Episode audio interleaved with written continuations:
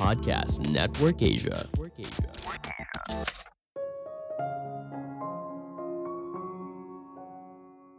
Banyak orang tidak mengakui kalau gangguan saat bekerja adalah cara yang tidak sehat untuk kabur dari kenyataan. Halo semuanya, nama saya Michael. Selamat datang di podcast saya, Sikutu Buku. Kali ini saya akan bahas buku Indistractable karya Nir Eyal. Sebagai informasi, podcast Sikutu Buku sekarang bergabung dengan Podcast Network Asia dan Podmetrics loh. Sebelum kita mulai, buat kalian yang mau support podcast ini agar terus berkarya, caranya gampang banget kalian cukup klik follow. Dukungan kalian membantu banget supaya kita bisa rutin posting dan bersama-sama belajar di podcast ini. Buku ini membahas bagaimana cara menjadi produktif dan mengatasi gangguan saat bekerja. Pasti kamu pernah dong lagi mau serius kerja, eh notifikasi handphone bunyi, rekan kerja yang ngajak ngobrol, atau keasikan baca berita terbaru. Ini adalah hal yang biasanya terjadi di era modern kita selalu mengalami gangguan terus-menerus dan sulit fokus. Jika sudah begitu, kita langsung menyalahkan teknologi sebagai sumber gangguan. Padahal tidak sesederhana itu, menyalahkan teknologi sama artinya kita gagal melihat masalah yang sebenarnya. Kenyataannya, pikiran kita membuat gangguan itu sendiri. Saat kita ingin melarikan diri dari situasi yang tidak nyaman atau tekanan hidup sehari-hari yang kita hadapi. Saya merangkumnya menjadi tiga hal penting dari buku ini. Pertama, gangguan saat produktif.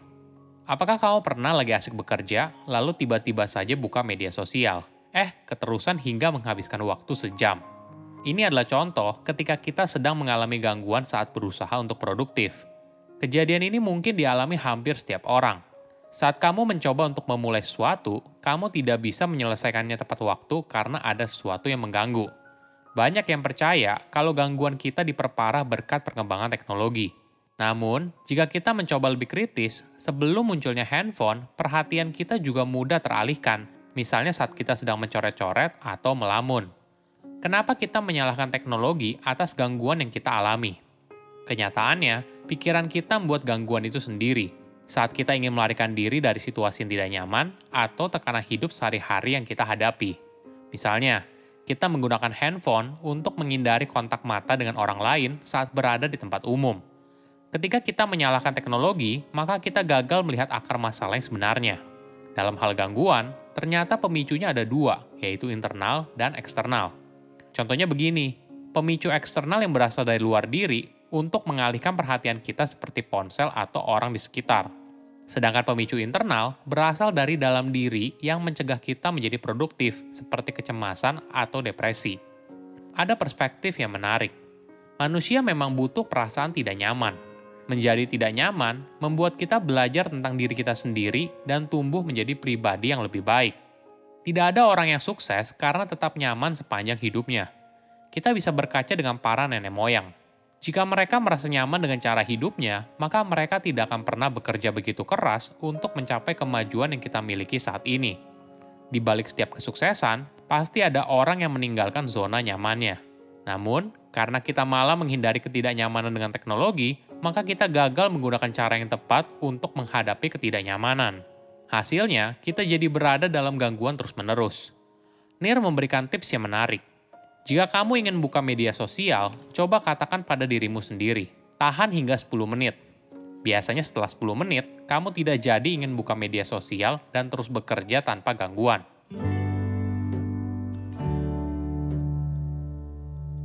Kedua, tips jadi produktif. Di lingkungan sosial kita, pasti ada seorang yang kelihatannya sangat disiplin dan mampu mencapai tujuan yang besar. Misalnya mampu menurunkan berat badan, disiplin berolahraga, dan sebagainya. Apa yang membuat mereka bisa mengatasi godaan dan mencapai tujuan yang sudah dibuat di awal? Rahasianya ada di perencanaan. Mereka merencanakan jadwal latihan, apa yang mereka makan, hingga waktu untuk berolahraga. Nir menyarankan kita untuk melakukan time box, artinya mengalokasikan waktu untuk menyelesaikan tugas tertentu baik itu mengatur waktu untuk olahraga, berkumpul dengan teman, atau mengikuti kelas melukis. Yang penting, jadwalkan waktu untuk diri sendiri. Timebox ini juga termasuk waktu untuk makan dan tidur malam yang nyenyak. Keduanya penting untuk menjaga kesehatan mental dan fisik. Apabila kamu sudah timebox waktu untuk diri sendiri, Jangan lupa untuk meluangkan waktu menjalin hubungan dengan orang yang kamu cintai, keluarga, pasangan, teman, dan sebagainya. Seringkali kita menomor duakan mereka dan hanya memberikan waktu sekedarnya saja dari sisa waktu yang kita miliki. Ini tidak baik. Mereka juga butuh waktu berkualitas dengan dirimu. Urutannya seperti ini. Fokus buat jadwal bagi dirimu dulu, selanjutnya untuk menjalin hubungan yang berkualitas, lalu pada pekerjaan. Setiap orang punya waktu yang berbeda saat bekerja. Mayoritas mungkin bekerja dari jam 9 pagi hingga 5 sore. Namun ada juga yang punya kebebasan untuk bekerja sesuai keinginannya. Namun yang paling penting saat mengatur jadwal adalah fleksibilitas. Kita tentu saja ingin setiap harinya jadwal kita berjalan sesuai rencana. Tapi kenyataannya tidak seperti itu.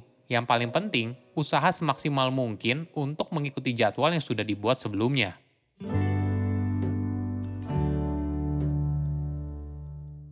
Ketiga, mengatasi gangguan dalam bekerja. Pada tahun 1980-an, banyak negara mulai mengadopsi peraturan baru yang melarang awak kabin berbicara kepada pilot tentang topik pribadi selama lepas landas dan mendarat. Percakapan seperti itu bisa menjadi gangguan saat bagian terpenting dari penerbangan. Ini adalah cara industri penerbangan mengurangi gangguan dari eksternal. Pada tahun 2019 lalu, ada meme populer yang mulai beredar di internet. Meme itu berisi gambar seorang pria yang sedang duduk di meja kerja dengan tempelan kertas di punggung yang bertuliskan, tolong jangan bicara dengan saya. Saya tidak punya kendali diri yang baik dan akan berbicara dengan kamu selama dua jam dan tidak menyelesaikan pekerjaan apa pun. Selain itu, istri dari penulis pernah menyarankan Nir untuk memakai topi khusus saat dia tidak ingin diganggu. Meskipun ide ini cukup aneh, tapi intinya kita memberitahu orang lain kalau kita tidak ingin diganggu. Di era sekarang, gangguan eksternal saat bekerja tidak terjadi secara fisik tapi juga bisa secara digital, entah via email atau grup chat kantor. Dua hal ini bisa menjadi sumber gangguan dalam bekerja. Kuncinya tetap sama, jika kamu sedang dalam kondisi yang tidak ingin diganggu, pasang status dan beritahu rekan kerjamu. Walaupun begitu, tetap luangkan waktu untuk membalas email atau pesan yang mereka kirimkan di waktu yang sudah kamu jadwalkan di hari tersebut. NIR memberikan tips agar kita bisa tetap produktif, bebas dari gangguan dengan membuat komitmen, effort pack, price pack, atau identity pack. Effort pack adalah komitmen untuk membuat kita sulit melakukan perilaku yang tidak diinginkan, misalnya main media sosial saat bekerja, atau sebagainya. Kamu bisa mendownload aplikasi yang bisa memblokir akses pada aplikasi yang mengganggu saat bekerja, atau membatasi waktu kamu selama di aplikasi tersebut. Sedangkan price pack adalah komitmen apabila kamu menyerah terhadap gangguan, maka kamu harus membayar. Contohnya begini, penulis buat perjanjian kalau setiap kali dia gagal pergi ke tempat gym, sebuah aplikasi akan mengambil 100 dolar atau setara dengan 1,4 juta rupiah dari rekening banknya. Menariknya, dalam tiga tahun sejak penulis membuat komitmen yang mahal itu, dia tidak kehilangan satu dolar pun yang diambil dari akunnya. Terakhir adalah identity pack. Ini adalah komitmen untuk menciptakan identitas diri sebagai orang yang kuat dalam menghadapi gangguan, baik internal maupun eksternal. Jangan salahkan teknologi ketika kamu tidak fokus. Mungkin saja ini merupakan cara yang tidak sehat untuk kabur dari kenyataan. Saya undur diri, jangan lupa follow podcast Sikutu Buku. Bye-bye. Hai para pendengar Sikutu Buku, salam kenal. Saya Madianto dari podcast Minimalis Indonesia.